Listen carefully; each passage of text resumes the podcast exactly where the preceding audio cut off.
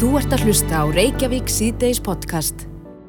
Jæja, klukkan nýjum myndi gengin í 5 og við ætlum aðeins að hugað langlífi. Já, um, í gær sagði ég ykkur nú aðeins frá frétt sem ég rakst á henn á devaf.is um tæknisnillingin og frumkvöðlun Brian Johnson sem hefur varið sko gífurlegu fjármagni og tíma í að reyna að segra tímast hönn. 300 miljónir segja þér. Já, hann er 45 ára gamall þessi maður og er metin á um 57 miljardar króna þannig að hann á nú kannski eitthvað millir handana til þess að einbytra þessu.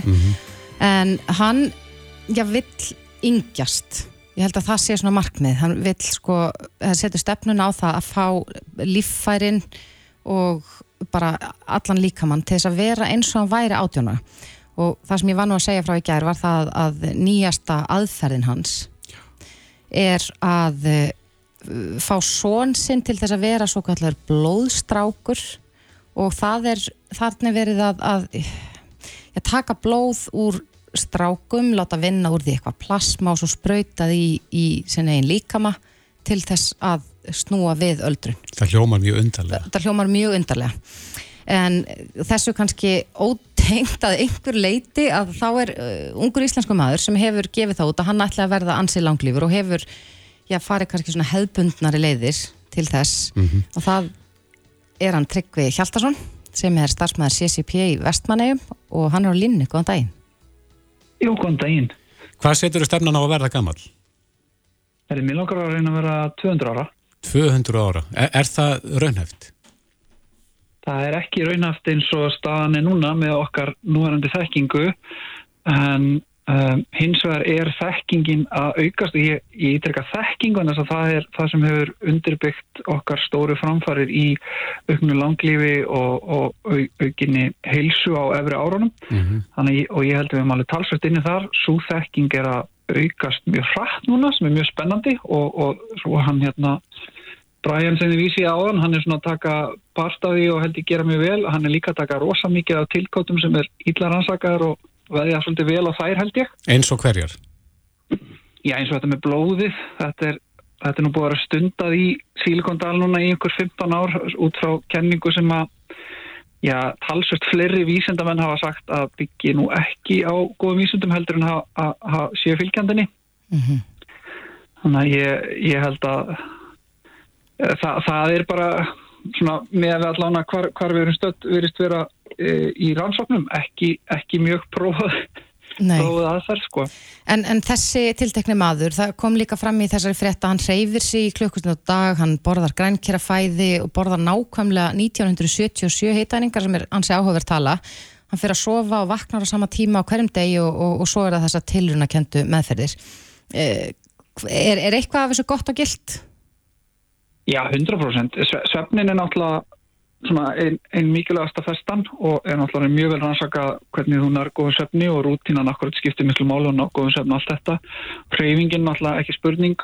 Uh, maður þarf að hreyfa sig uh, helst að minnst okkur til 30 mínútur á, á dag, 5 sem í viku og helst að ná viðnámstjálfun að lifta þungu til þess að keira upp þessi heilbriðu hormón eins og testosterón í köllunum og annað og, og komið við fyrir beinþynningu og annað.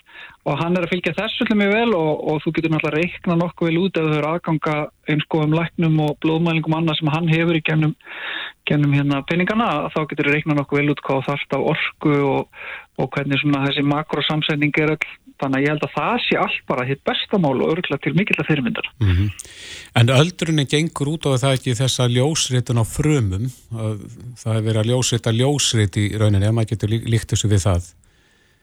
Að Jú. þær verða, verða eldri frumunar, ve- verri kópjur.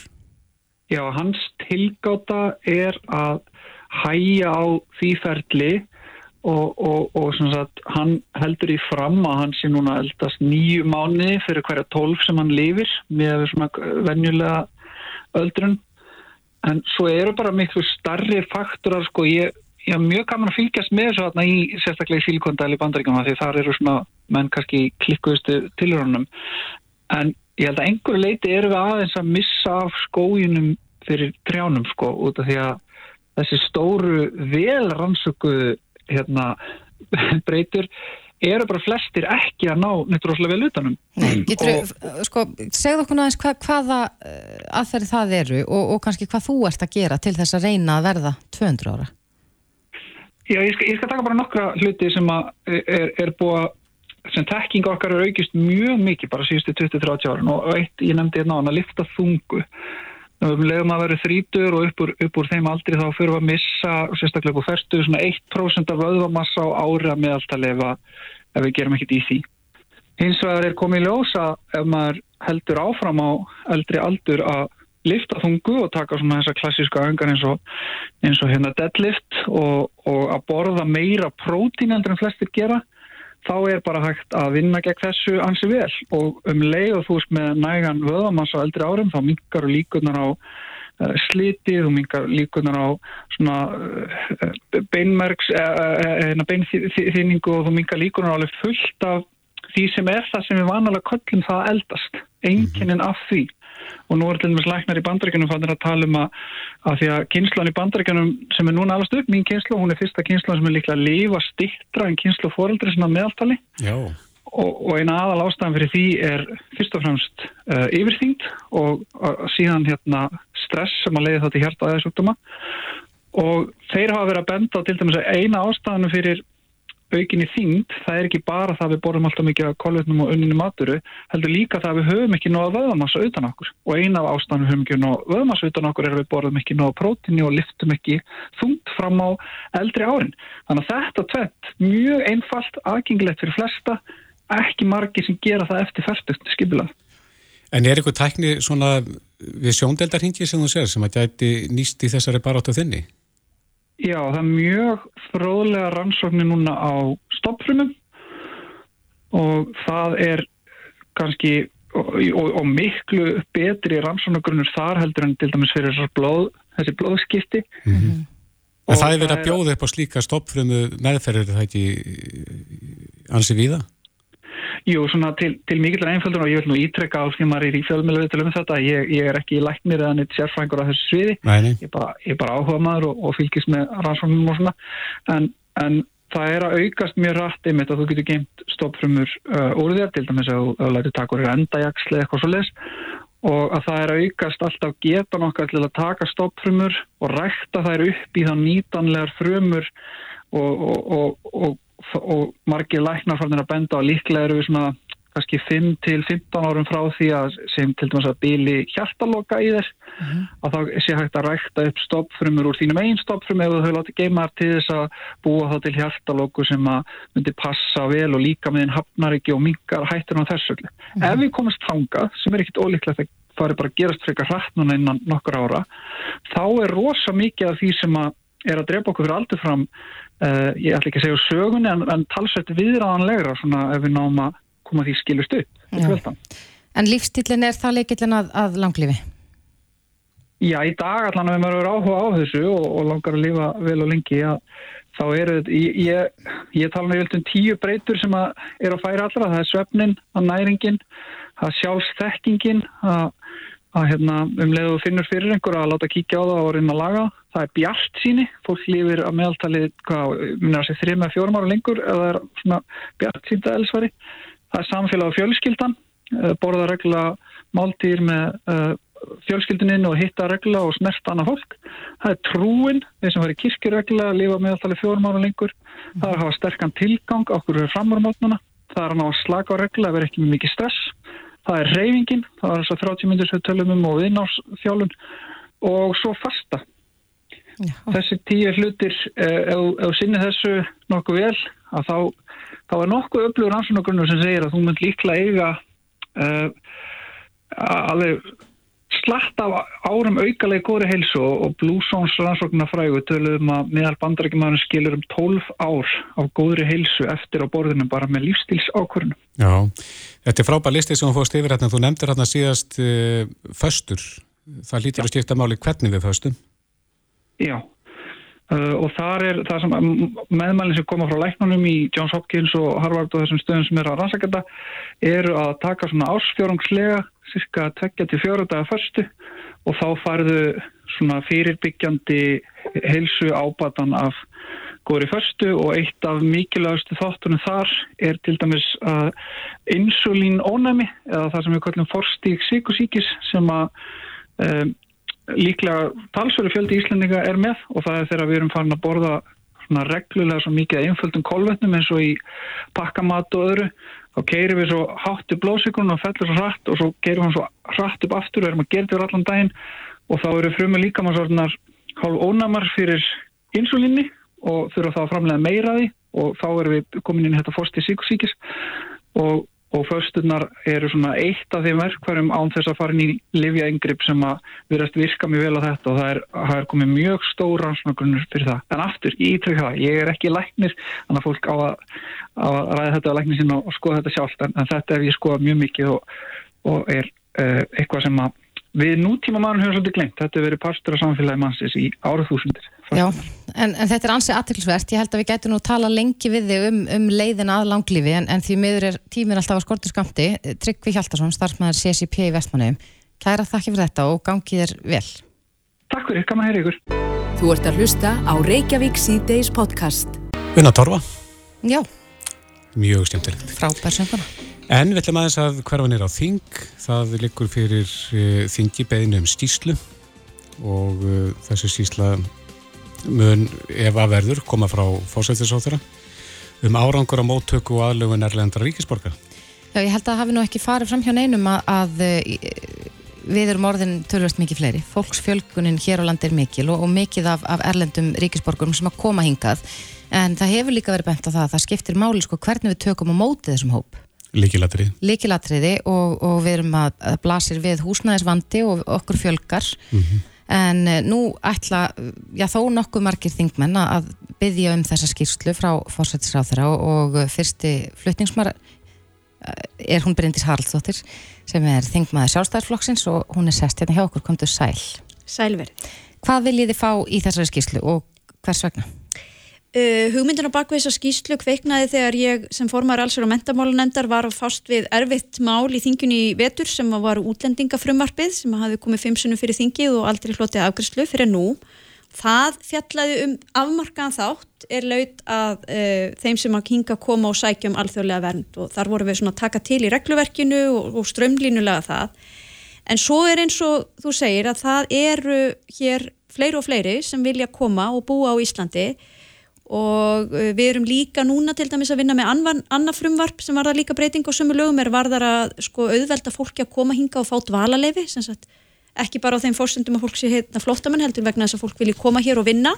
Fólki sem sagt utan EES svæðisins það hefur verið svolítið þannig að það hefur loka á það með þegar við gengum inn í EES samkomlagi þá er þetta fólk frá öllu EES svæðinu getur flutt hinga til lands og tekið þátt í okkar samfélagi um, en það hefur verið svolítið svona hömlum bundið að koma utan þess. Nú erum við að opna enn frekar á það. Uh, en á þessum árum þá hefur þetta okkur fjölga mikið eins og við hefum heyrt fréttir á. Fólk uh, sem betur fer vil koma og búa á Íslandi vegna þess að það er svo gott að búa á Íslandi.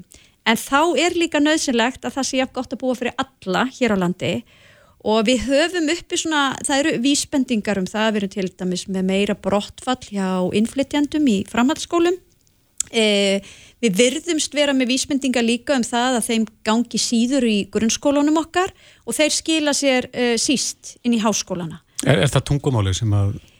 Væntanlega hefur tungumáli mikil áhrif en eh, ég held líka bara það sem að kannski núna tala um þessi inngilding eða aðluguna í íslensku samfélagi við þurfum að gera betur.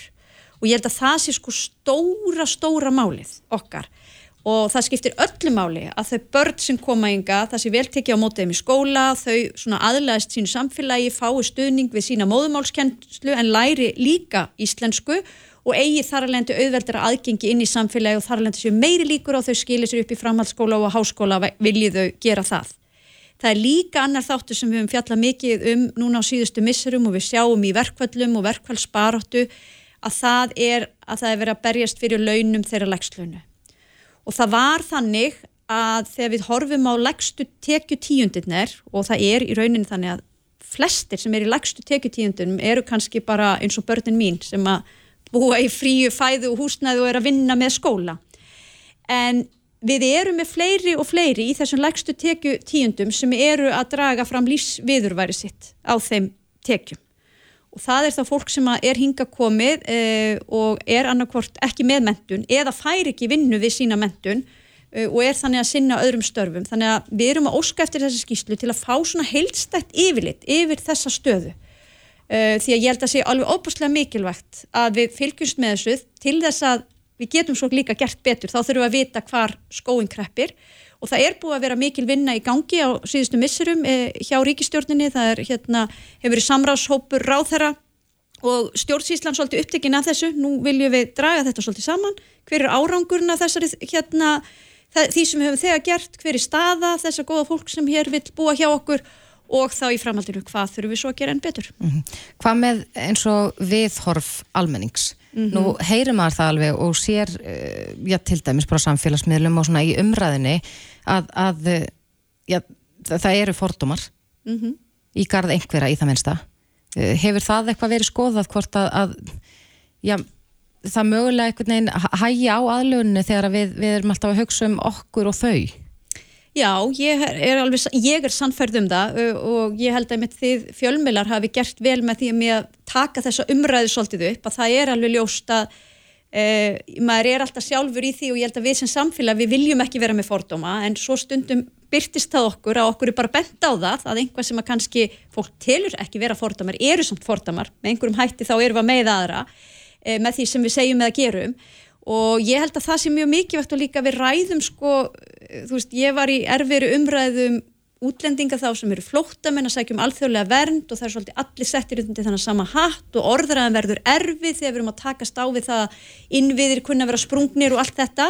En ég held að það sé mikilvægt og það er þess vegna sem við viljum með þessa skýrsla við tökum upp og drögum fram hvað erum að gera vel, hvað við getum gert betur en ekki síst líka hversu mikilvægur mikilvægt að er fyrir Íslands samfélag að fólk vilji koma hingað og taka þátt í samfélaginu okkar. En þarf ekki líka vera hægt að ræða þessi mál án þess að fólk fari ykkur að skotgrafur?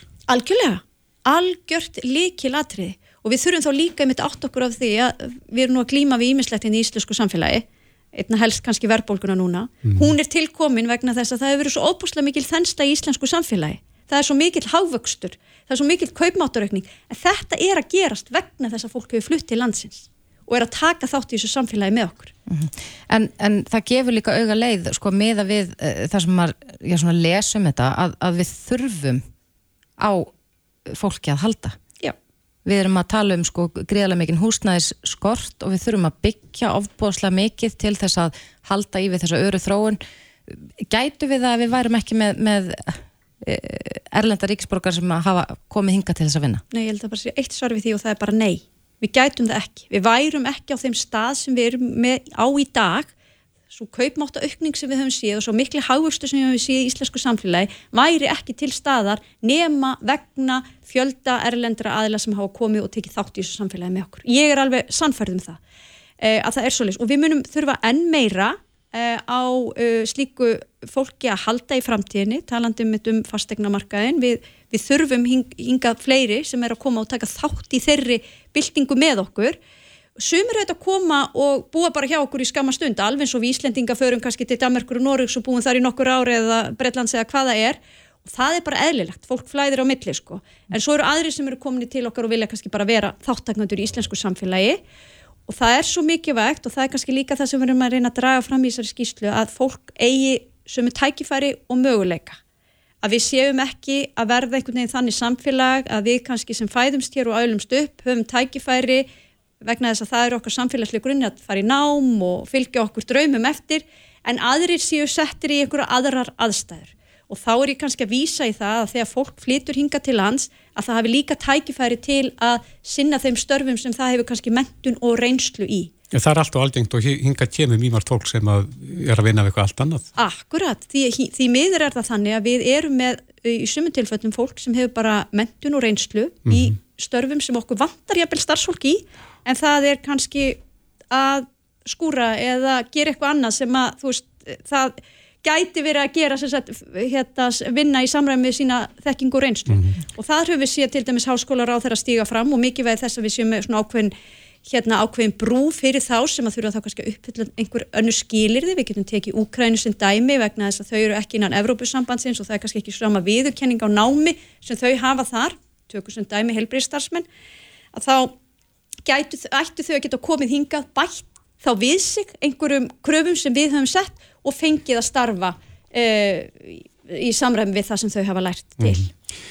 Þetta er beinum stíslu, Hva, hvaða leið fyrir svona beini? Er þetta bara eins og hvert annað þingmál? Þarf þetta að fara í gegnum nefnd og, og sa samþygt á alþingi? Já, það þarf samþykju á alþingi, við, það þarf lámark uh, hérna, fjölda þingmanna á bakvið skísluna sem við höfum þarna og ég vænti þess að á þrjöðu dagi næsta greiðum við atkvæðum það í þingsal og það er nú hefð fyrir því að slíka skíslubeinir hafi verið samþyktar og þessu er beint til fórsetis ráðherra í ljósi þess að við erum að byggja um upplýsingar frá ýmsum ráðuneytum. E, veist, bæði frá mentamálaráðunitinu, frá hérna, dómsmálaráðunitinu og fleiri aðlum þannig að þess vegna beinum við þessu til fósittisráðara og ég vandi þess að einhverju ráðunitinu bara hefist handa e, sem fyrst, þannig að einhver tíman í, í haust myndu við sjá e, skýslu samantækt á þessum málum og það geti þá hjálpa okkur að feta áfram þessi skref sem við svo sannarlega viljum gera, taka vel á móti fólki og að fólk geti hér blómstrað og, og, og hérna, bjóðið sem er tækifæri. Já, mér langar svo að spyrja rétt að lókum vegna þess að, að, að þú sagðir aðan og vorum að tala um sko hversu nöðsynlegt þetta fólk er svo við getum reynilega já, byggt alla þessar eh, byggingar og íbúðu sem við þurfum að halda en, en er við eh, er við á sein vegna þess að, að hvað ráð þetta fólk að búa á meðan það kemur hinga til þess að hjálpa okkur að byggja. Og það, það er, ég meina, þinn flokkur er í ríkistjórn og það har verið það lengi. Mm -hmm.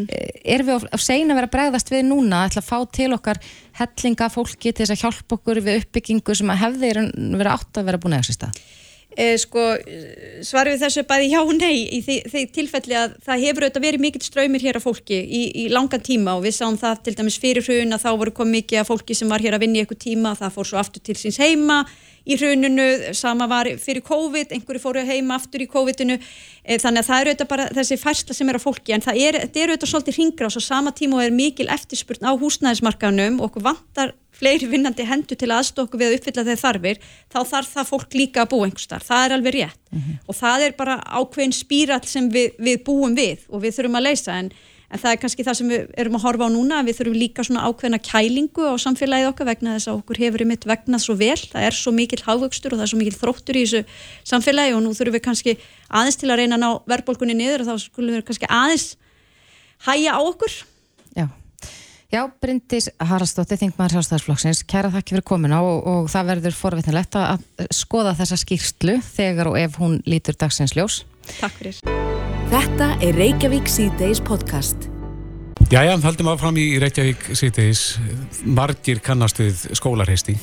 Já. Og hafa séð fylgst með því. Þetta er, hefur verið reykjað í átjan ár, skils mér. Já, og þetta er bara svo skemmtileg keppni. Það er svo, mér finnst sko bara ferlega gaman að horfa á þetta. Mm. Að horfa á þessa krakka sem geta einhvern veginn allt. Já. Að hanga svona lengi og bara allar þessar, þetta er bara kraftakrakkar. Mhm. Mm Í bandaríkjunum þar spila skólakrakkar korubólta og, og rauningi það ekki, rúbi? Jú, og eitthvað fleira. Ég mann þegar ég bjónu í bandaríkjunum þá var verið að keppa í lacrosse sem hefur eitthvað aldrei nátt fó, fótfestu hér á landi. Já. Það sem var skólalið í því og það er svona ymsar íþróttir tengdar skólunum. Mm -hmm. en, en það er ekkert slíkt hér. Við erum þetta bara með íþróttafélögin. Já, en Íslindika velja náttúrulega vikingaþjóðin velur hreisti íþróttina. Já. Andris Guðmundsson, skólarheisti mestari, er komin til okkar, velkomin. Takk fyrir það, gæla. Ja, þú sagðir að þú ert búin að vera með þetta í átjan ár, eða ekki? Jú, við hjónin byrjuðum 2005 með fyrstu mótin. Já, hvernig var það? Herðu, það gekk bara ótrúlega vel. Við vorum um að skoða myndir og vídeo frá þau bara um, um daginn. Mm -hmm.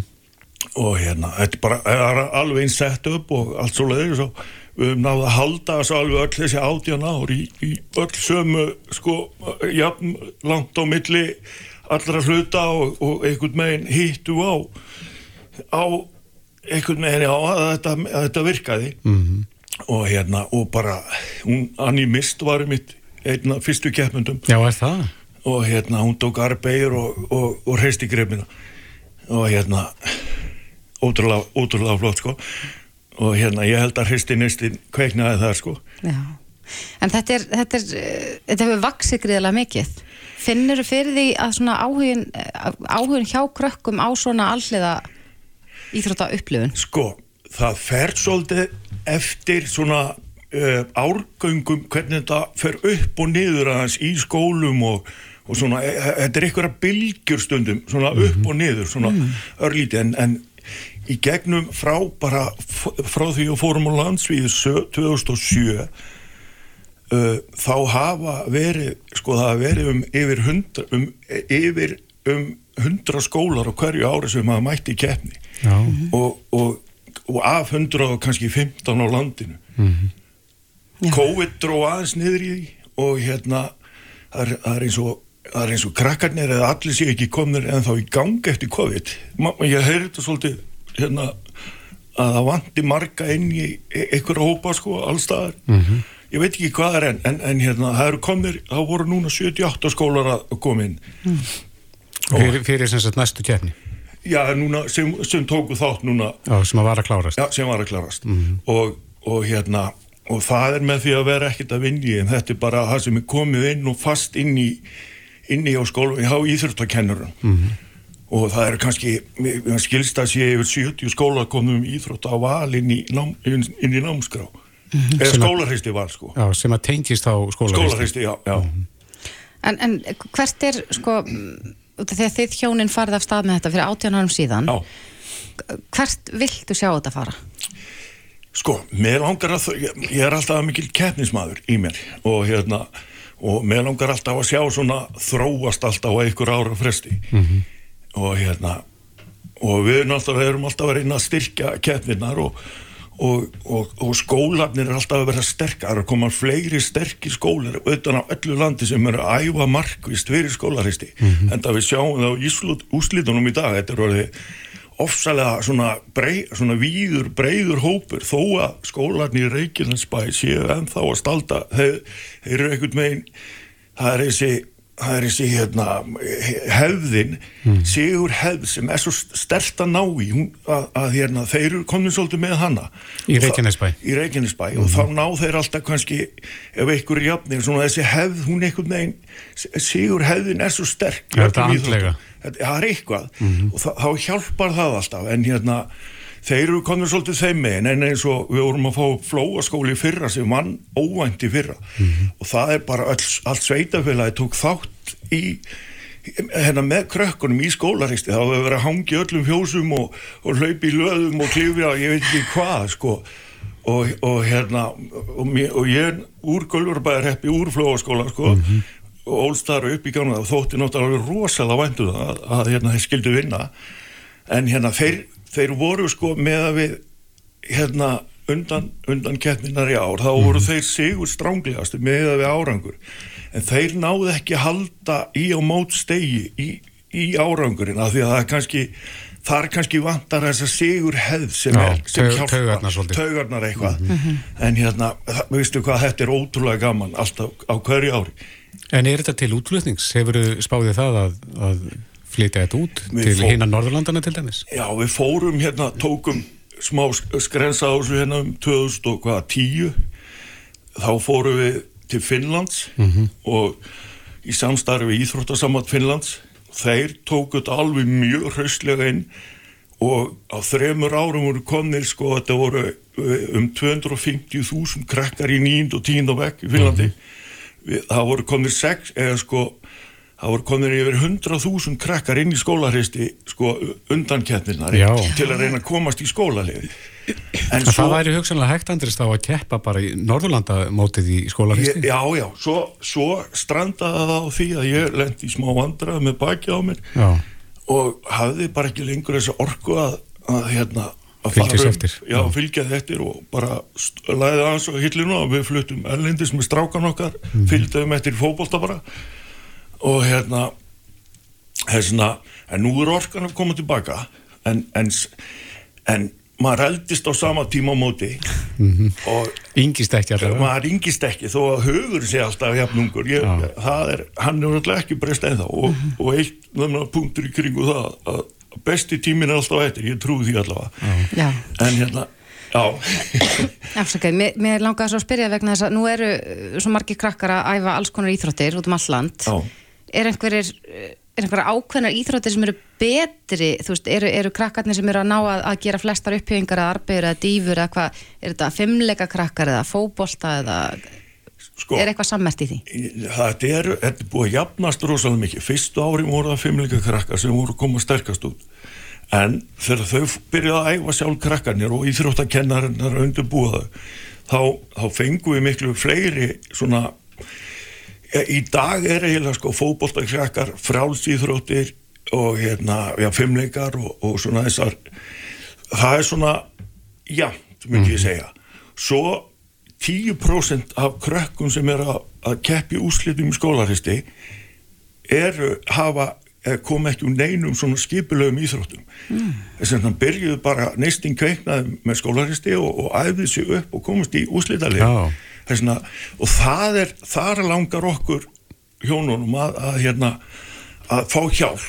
Og, og að við höfum bara ekki við höfum fengið stöðning frá fyrirtækjum, tveimum fyrirtækjum sem mm -hmm. har reynst okkur ótrúlega vel í gegnum árin. Mjölku samsalan Já, þeir byrjuðu með okkur og, og landsbankin tók við að þeim en, mm -hmm. en, og, og svo Toyota sem er búin að vera með okkur í átján ár mm -hmm. og staði hérna vaktinu með okkur og það reynst okkur rosalega vel og hjálpaði okkur við gætum farið í ringin um landi með þessa kemni og það vantar meira veistu hvað, það vantar uh, það er allir þessi íþróttakennari yfir hundra íþróttakennari hafa verið að byggja um uh, bara smá kennslefni hvernig það á að gera þetta, hvernig við getum gert þetta það vantar uh, vefsíðu að því ég, að því að þennan pening sem ég næ inn í keppnina mm -hmm.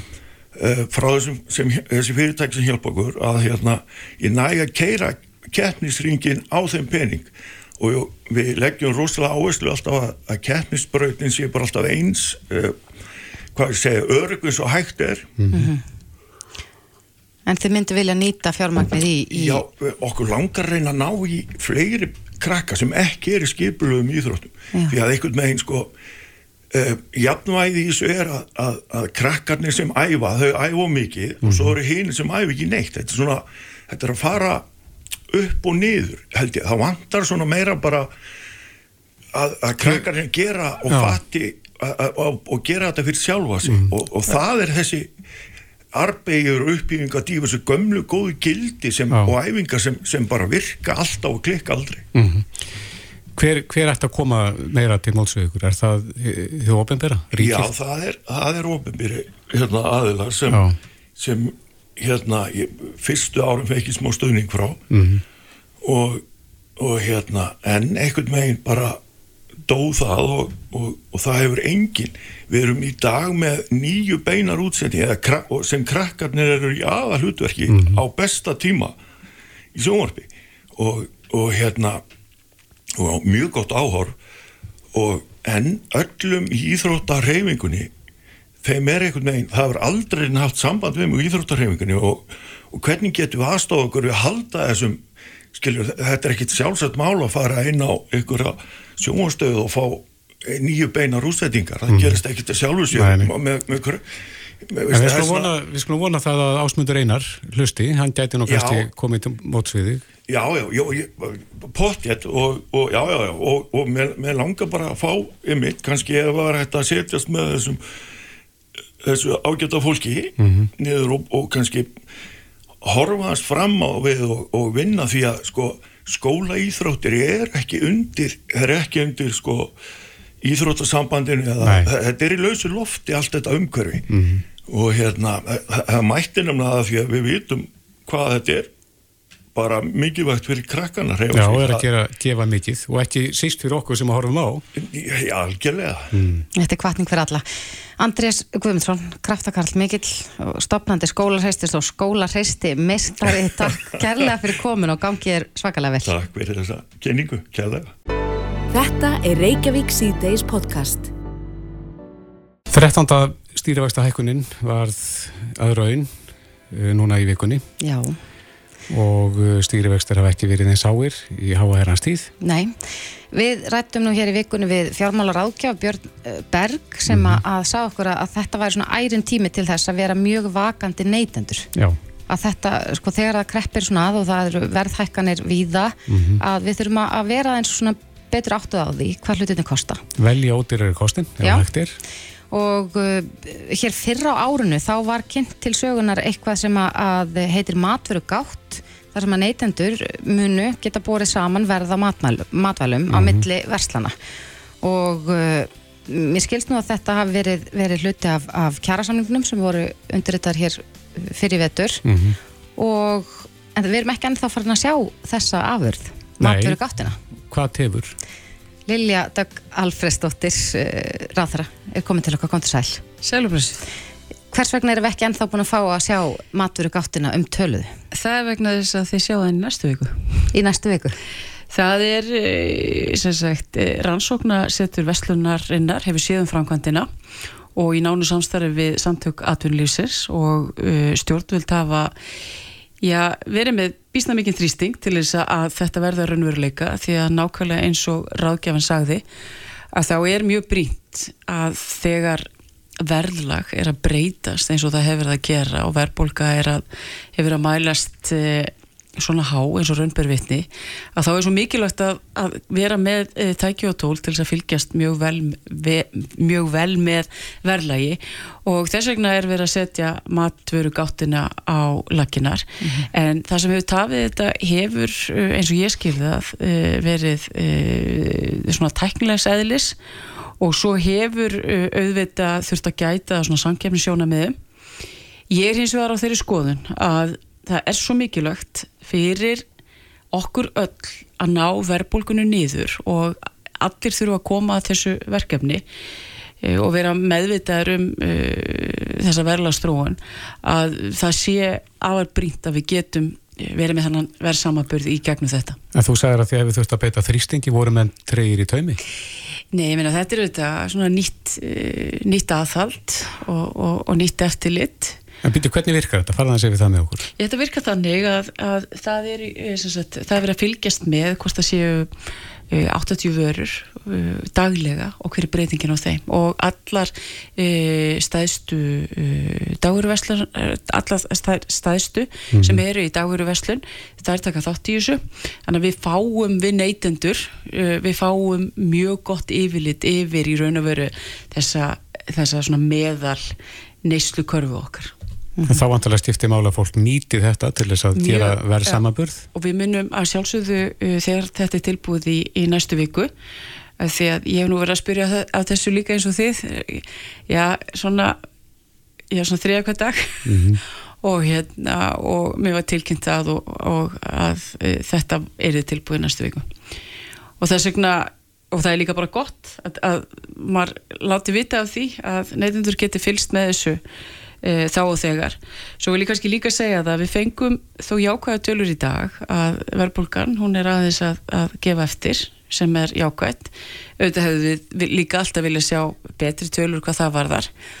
En e, ég er hins vegar vongóð um að við náum tökum á, á þessu vegna þess að, e, að þrátt fyrir að, að þetta blasi við og auðvitað er maður eh, hundfúll yfir e, þessum stýrivaksta hækkunum og hækkandi fjármagnskostnaði. En Sælabankin, e, þetta eru þau tæki og tól sem hann hefur og, og þarf, að, þarf að grípa til af því að hagsmunur okkar allra eru meiri e, af því að ná verðbólgunni niður og þurfa að þóla þetta e, tímabundið. Af því að ef við missum hana meira frá okkur verðbólguna þá er svo hætt við því að verskinn okkar allra brenglist mjög rætt og, og þá eru alls konar hættur að, að einmitt að fólk geti mögulega að borga meira fyrir vöruna en það ella þyrti af því að þetta er því að við kannski, við kannski hugsa mikið um það en við erum að stunda umfangsmikil viðskipti með því að, að kaupa vörur á hverjum einsta degi. Og þetta eru svo margar ákvarðanir. Og þegar þú þarfst að fylgja svona mikið með hverja einustu vöru þá getur þetta bara þá, þá þú, þú, þú getur mist uh, uh, verðtenginguna. Já, maður getur orðið Já, svona smá samdöina ástandinu. já.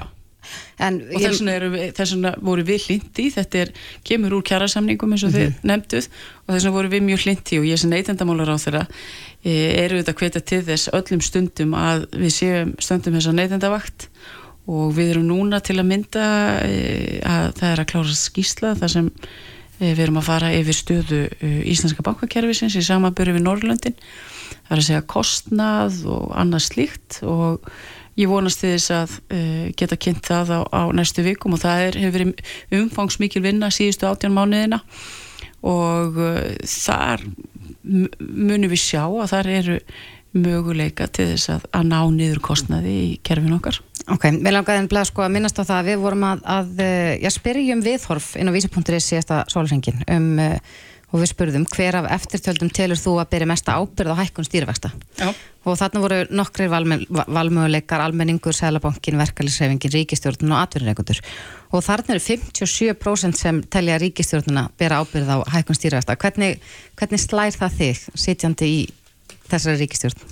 Það slær mig þannig að e, við auðvitað hlustum á fólki í landinu en hins vegar er það svo að fólk gerir, fólki í landinu gerir bara líka kröfur til okkar mm -hmm. það er ekki ánægt með þessa verðbólgu og við finnum fyrir því, við finnum fyrir e, minkandi fylgi í skoðanakönnunum og þegar svo er, þá er ekkit annað en að brett upp ermar fara í þær aðgerðir sem þarf að fara í og vera e, bara standa þess að vakt og standa í lappina gagvart þessari stöðu sem upp er komin. Og ég nefni e, og við þurfum að hugsa mjög í lausnum vegna þess að það sem blasir líka við að ef við förum meira inn á svo kallega frambóðslið hagkerfisins eins og að e, tryggja það að það verði hérna í bóði 35.000 e, verði hægt að fari að byggja hér 35.000 íbúir eins og innviðar á þeirra hefur bóðað og þetta var sögurið samkomulag sem hann átti við sveitafélugin þá er það til þess fallið að hjálpa. Við meðum ekki, til dæmis að, að þegar við erum farin að sjá vísbendingar um það að það er farið að hæja á meðal annars að þegar fjármagnar kostnæðurinn er, er þetta hár sem að skilur vel þá heldur fólk auðvitað og við erum að byggja um það að fólk haldi að sér höndum. En við þurfum sann sem á líka fara í ákveðna nögra sem eru að búa til herra verlag eins og við hefum séð á húsnæðismarkaðunum það vantar meiri lóðir. Mm -hmm. Það er það mikill kraftur og mikill aðflutningur og hagvöxtur hér að við verðum að hafa úr meiru meira húsnæði til þess að það sé ekki spenna húsnæðismarkaðunum. Við sáum það í tölum Sælabankans að e, húsnæðisverð heldur áfram að hækka en það er búið að hæja verulega á þessara hækkun sem er að endur speikla þá hærri stýrivexti. Ég nefni þetta Veist, það, við verðum að sína meiri fyrirhyggju varðandi skipulag íbúar húsnæðis, mm það sama á við um leikumarkaðin. Mm. Ég meina, mér finnst það sem formöður þeirra samtakar að segja, eh, ég meina varðandi Airbnb við erum að vinna í því í mínu ráðanetti að þrengja því þannig að séu mm. mögulega til e, fleiri íbúðir. Ja, leyendur og félagssamtök leyenda þeir Já. kall eftir leiguð bremsu og leiguð þakki.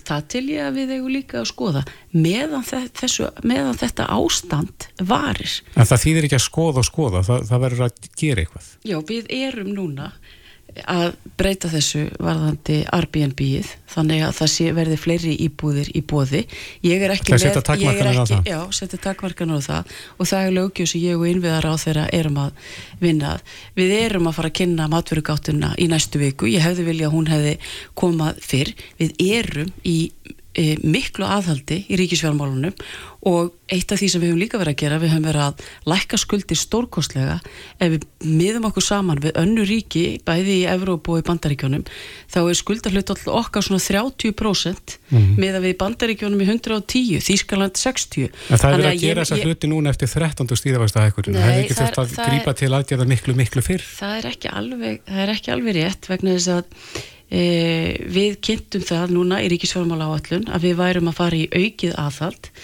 E, við sjáum vísbendingur um það mögulega að e, það þurfi að fara í frekara aðhald til dæmis að vera í hallalösum e, ríkisfjármálum að það sé engin halli á fjárlum á næsta ári. Það er til skoðunar. En ég bendi á það að í útækti á því að gæltiðurisjónum þá var til að mynda bendi á það að aðhalstig ríkisfjármáluna það var nægilegt í ár og við höfum svona tryktað en mögulega hvort það þurft að vera meira e, á næstu, næstu árum. Þannig að við höfum sannarlega verið að grýpa til aðgerða en þegar mælingin er þessi þá eru skilabóðin ekki bara til okkar heldur líka aðila vinnumarkaðarins og allra að við þurfum að hæja á til þess að ná tökum á verbulgunni og þetta er ekki þetta er ekki, e, þetta er ekki þannig að við þurfum að fyllast að einhverju svartsýn, svartsýni vegna þess að við bara lítum á atvinnustíð hér er með því allra mesta máti At, atvinnuleysi er 2,7% í Svíþjóð er það 8% Já, í, í, í, morgun, Svíþjóð, í Svíþjóð er það þannig að það er 8% verðbólka það, þeir vinnur okkar í bítinu voru nú að ræða þetta í morgun að það virðist vera sem svo að það megi ganga vel. Nú erum við með lítið atvinnuleysi og mikinn hagvöxt en samt sem áður einhvern veginn náum við ekki að, að halda þessi skefjum gengur okkur of vel og þess vegna er okkur að ganga illa Fórnálan begin veldingni. Já, sem ég segi bara varandi þetta, eh, við þessi ríkistótt hefur fengið að kljást við ímsar áskonunir. Ein af þeim áskonunum var heimsfaraldur og við e, fórum inn í það mjög saminuð. Nú er stærsta, ver, stærsta verkefni verbulgan og það er hægt að fara í röð aðgerða. Við erum byrjuð á einhverjum aðgerum og ég skil vel að fólk sé óþólumótt og, og það er ekkit annað en fyrir okkur að, að hlusta á þessar kannanir og, og, og bara standa okkur betur Því En er, er annað. samstæði ríkistjóðun um þessar aðgerðir? Já, ég myndi segja það Fá- Fáið, þú, þú talar að þú vilja skoða leigu bremsu og leigu þak Mhm. er heldur þessi vilji fyrir því að skoða það í hinnaflokkun?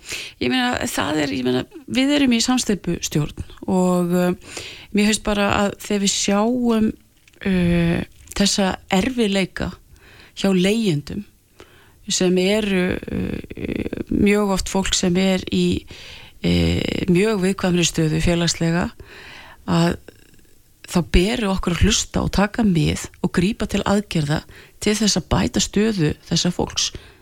Og, og það er ekki e, e, það getur verið sagt, e, tí, tímabundin hérna bremsa meðan það er verið að auka frambóðið af því að það sem við þurfum að fara í núna til þess að ná tökum á sér verbulgu það er að liðka til á frambóðs annars sem við höfum verið að gera og gripum strax til er að við höfum liðka til með e, e, atvinnulefi að fjölga atvinnulefum hér á Íslandi til þess að mæta e, miklum skorti og vinnuafli Já, að svo kemur þetta vinnar til landsins og hefur ekki húsnæði. Þetta er bara vítarhingur. er, e, það er að einhverju leiti rétt en sá er spurningin hvernig ætlar að e, ef, það, ef, það, ef við erum ekki með þessi atvinnulefi þá er, væri mögulega enn meiri verbulga við menna lítum til að mynda á hvernig verbulgu tölu voru í Evrópu núna í, í vetur. Þar voru við að sjá verbulgu sem var í kringum 20% og þannig að þessi verbulga sem flestir eru að kljást við á heimsvísu hún er ekki bara bundin við Ísland. En það sem er ekki gott fyrir okkur er að hún hefur verið e, að verið svona meiri þrautsegja í verbulgunni hér Með þrálátar En á-. Já, hún er þrálætar En þú myndist aðeins á Airbnb á þann, hvenær munum við sjá afrakstur af þessari vinnu og, og, og hvernig sjáu þið fyrir ykkur að, að, að einhvern veginn að gera það fyrir þann markað og auka þannig frambúðið? Eh, Ég verð nú bara að skoða að dröga þessu í vikunni og ég myndi halda að þetta ætti að koma á, á næstu bara næstu vikum Já. Hvaða ráðuneyti leggur það fram? Þetta gerum við, við erum með ekki eftirlit með uh, heimagistingu, það er mitt ráðaneyti og við hefum þegar skrifum undir samning um það við síslumanns embættið uh, fyrir nokkru vikum þannig að það er þegar farið á stað. Og þannig að við, ríkistjórnin er að grípa til ímis uh, aðgerða uh, en þær hafa enn ekki uh, dugað varðandi ríkisfjármálin. En við mögum heldur ekki gleyma því að það er e, hlutverk Sælabanku Íslands að sjá til þess að það sé stöðut verðlag en þegar verðbólgan er orðin svona þráleitari og búin að vera í, í lengri tíma að þá þurfa allir að koma að því verkefni Verðum að setja punktin hér. Gætum reynda að tala mikið lengur saman en verðum að setja punktin. Lilja Alfredsdóttir, kæra þætti fyrir komina. Takk sem er leiðis Reykjavík síðdeis á Bilginni podcast. Áhrifavaldar er nú eitthvað sem að við höfum áður talað um og, og uh, þessi sko starfstjætt er frekar nýja nálinni en uh, Og ég... misafkasta miklir. Já, algjörlega, það er hægt að, að flokka áhrifavalda eflaust. En uh, ég hef tekið eftir því að, að það eru áhrifavaldar sem eru með gríðarlega mikið fylgi á samfélagsmiðlum sem að einbetta sér að því að eru svona ferða áhrifavaldar eða útivistar áhrifavaldar. Sem er þá með, sagt, þeirra markkópur er þá allur heimurinn.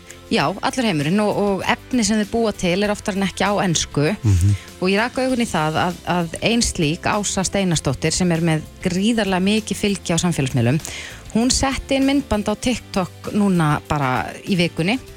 Og þetta er myndband, ég ætla ekki að fara að lýsa því öllu en, en þetta er bara svona stutt myndband örfá sekundur þar sem að hún er að sína sko uh, byrtun á Íslandi hvernig sólinn sest ekki yfir sumartíman og, og er að setja svona myndir af, af hinum og þessum uh, klukkustundum yfir sólarringin Já. á nóttunni þar sem bara sólinn skín.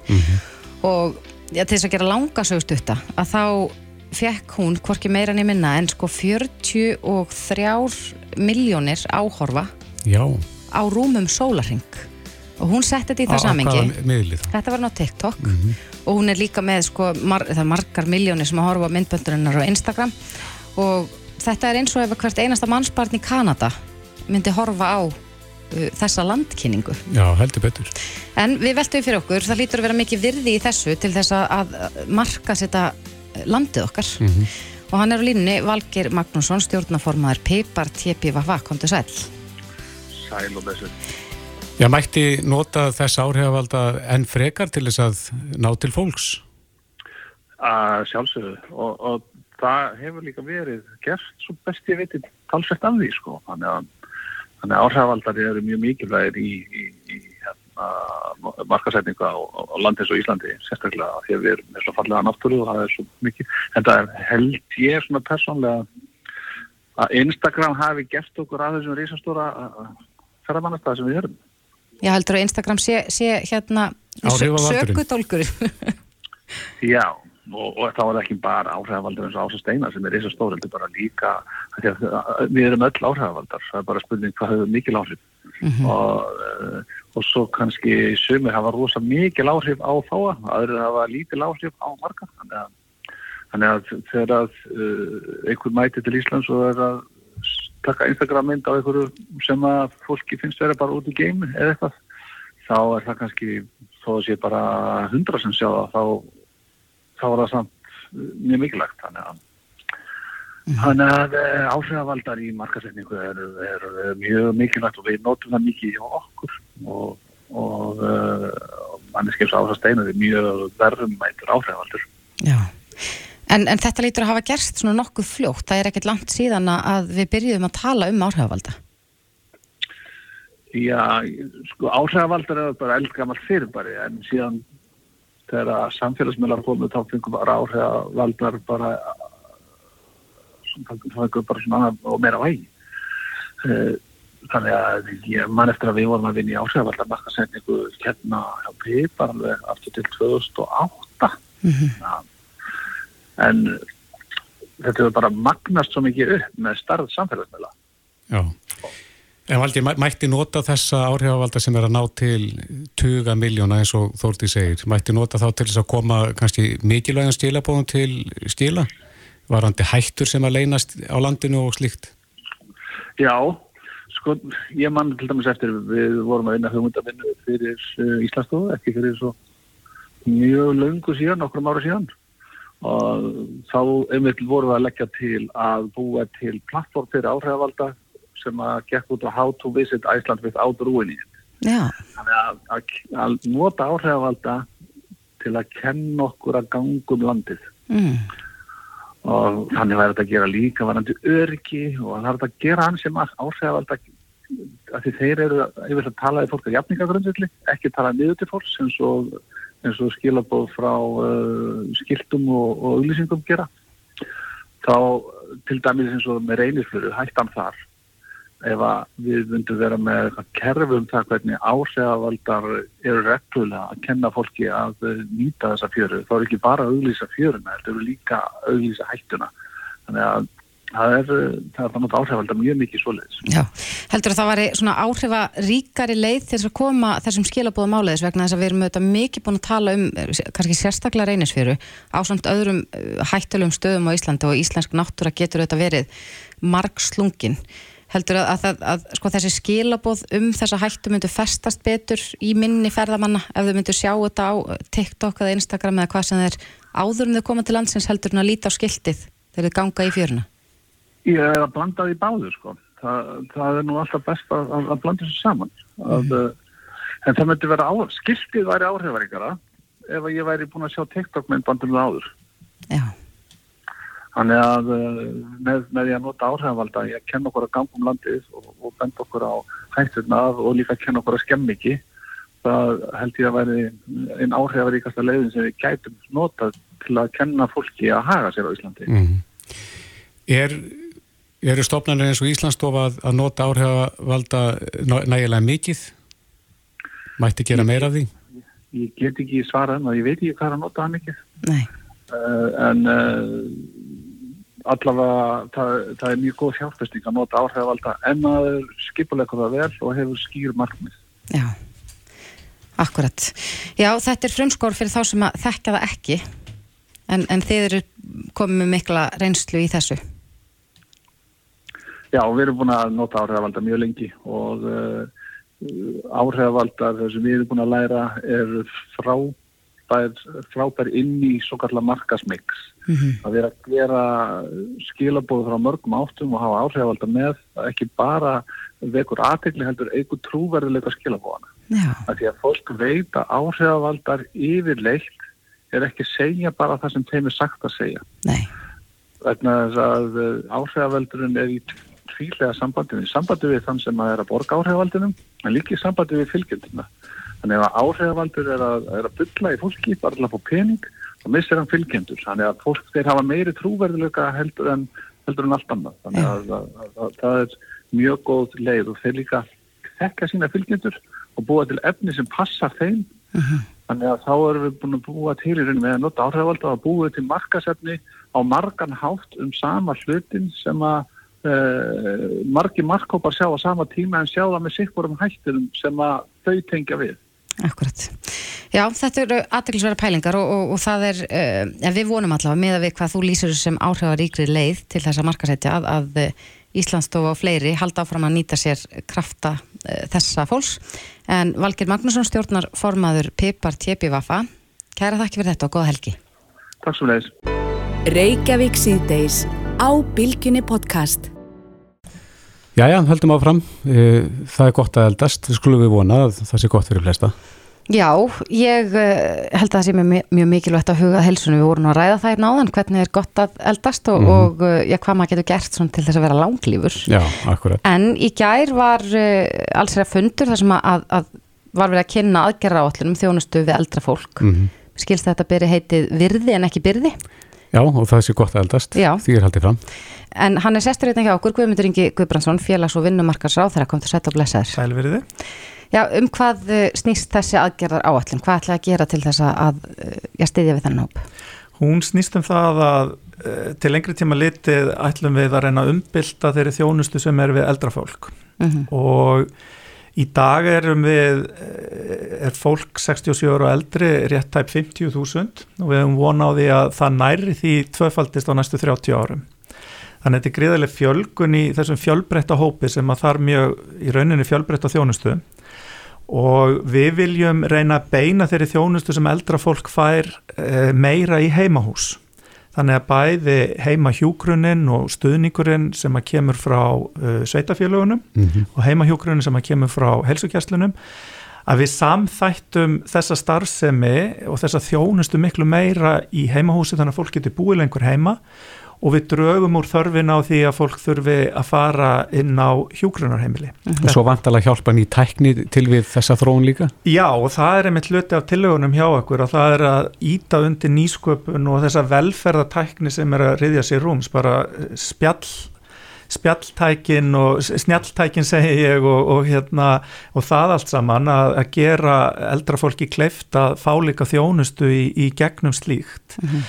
um, en við ætlum að ráðast eins að í eh, nokkur tilraunaverkefni á mismöndu stöðum á landinu þar sem við förum í þessa samþetting og þjónustu mm -hmm. þar sem við erum með mismunandi stærðásveitafélögum mismunandi dreifingu fólks hvort það býr í þjættbíli eða dreifbíli eða, eða, eða blandað mm -hmm og læra af þeim verkefnum með það markmiði að breyta þjónustunni hvað þetta varðar út um alland. Já, hefur það verið, eh, sko, sko hefur hugur eh, eldriborgara verið kannar varðandi það sko fólk hvort það vilji í auknum mæli búa lengur heima? Emitt. Hefur þetta verið skoðað sko hvað þau vilja? Já, sko við höfum verið í þessari vinnu í samstarfi við landsamband eldriborgara mm -hmm. og, og, og samband íslenska sveitafélaga og þetta eru sameileg markmið og hafa reyndar verið markmið stjórnvalda all lengi að reyna að auka þann fjölda sem getur búið lengur heima. Og það sem að verkefna þessu tægi hafa sínt Erlendis og þau verkefni sem að ráðist hefur þegar verið í hér á Íslandi eh, hvað þetta varðan meðal annars í Reykjavíkuborg er að þegar að við samþættum þessu þjónust og setjum ábyrðin á einn aðila hún sé ekki dreifð og þú getur í rauninni stýrt í betur hvernig þjónustan er framkvæmt uh mhm. -huh. og að hendi hverra að það er að leiða til bættrar heilsu og betri líðanar eldra fólks, það er minni líkur á innlögn á spítala og á endurinnlögnum uh mhm. -huh. þetta stiður við endurhæfingu ef þú þart að fara inn á spítala og þú getur gert hann að hluta til heima, hluta til á, á, á hérna, heilbreyðistofnun og síðan eh, hefur þetta líka sínt sig að þetta dregur úr þörfinni fyrir fólk að fara inn á hjókrunarheimili eða senkar því mm -hmm. og ég held að, að hérna, ef ég hugsa þetta bara út frá sjálfum mér að þá myndi mér þykja mjög gott að geta búið lengur heima hefur allavega eins og staðan er í dag. Já, bara með þá einhverjum stuðningi sem Já, að, að þið ætli þá að veita. Þannig að þetta er, þetta er gróði fyrir alla aðila. Já, og, og auðvitað er það fyrir sko ríki og, og sérstaklega ríkið að draga úr þörfin á hjúkrunarheimilum. Mm -hmm. það er bara fjárhærslegur ábæti af því. Á sama tíma og við erum þá að, að veita betri þjónustu heim sem að e, bætir líðan eldra fólks á sama tíma þannig að eiginlega má segja að ávinningurinn er hjá öllum mm. En þetta virði en ekki byrði Hva, hvaða virði er í eldri borgun? Já það er nú svo margt Já. ég myndi nú byrja á því að draga fram það bara félagslega virði og menningarlega virði sem að fælst í eldra fólki það brúar bíl á melli kynnslóða sem að mér personulega finnst mjög mikilvægt og á nú bara góða minningar og minni æsku, ég ólst upp með ömmu minni. Uh -huh. eh, hún var á, á bænum við hliðina og í sveitina, voru 30 metrar á milli. Uh -huh. og svo ákvað maður spurði maður mömmu hvað er í matun, svo spurði maður ömmu hvað er í matun og svo fór maður það sem maður þótti betra að fara, en það var alltaf þetta samtal uh -huh. við ömmu sem að brúa sko bylið á milli kynsla, þannig að mér finnst það nú í fyrsta lagi mjög, mjög mikilvægt. Og svo um, það að uh, við erum að sjá núna í nýri úttækt KPMG á kostnaði og ábata á þjónustu við eldra fólk að eldra fólk er e, núna á síðustu 15 til 20 árum er það að í raunin að greiða mun meiri skattekjur til samfélagsins heldur en var áður mm. eftir því sem að lífeyrisjóðunir verða sterkari og eru að, að borga stærri hluta að framfæslu eldra fólks. Þannig í rauninni þessi útækt KPMG er að sína fram á það að að það er eftirsoknavert fyrir sveitafélögin að laða að sér eldra fólk með því að veita góða þjónustu og geta synd fólki lengur heima mm -hmm. vegna þess að þetta eru um, á heldina litið uh, borgarar sem að, að uh, skattekjur eru eru í rauninni ábatinni meiri heldur en kostnæðurinn sem að fer í að, að þjónusta það. Akkurat, en svo hlýtur líka umtalið og, svona, og, og sko hvernig að talað um, um eldra fólk líka að spila þarna inni eh, það er oft talað um, sko eitthvað fráflæðis vanda á spítulum mm. og, og skort á hjúgrunarýmum mm. og þetta er allt svolítið neikvæðir tótnið þessu Já og stundum finnst mér við kannski ekki tala nógu mikið um eldra fólk, sama á við um falla fólk, sama á við um innflytjandur sem fólk mm -hmm. heldur sem einhvern kerfislegt viðfangsefni sem að verður stundum pink og ópersonulegt ja.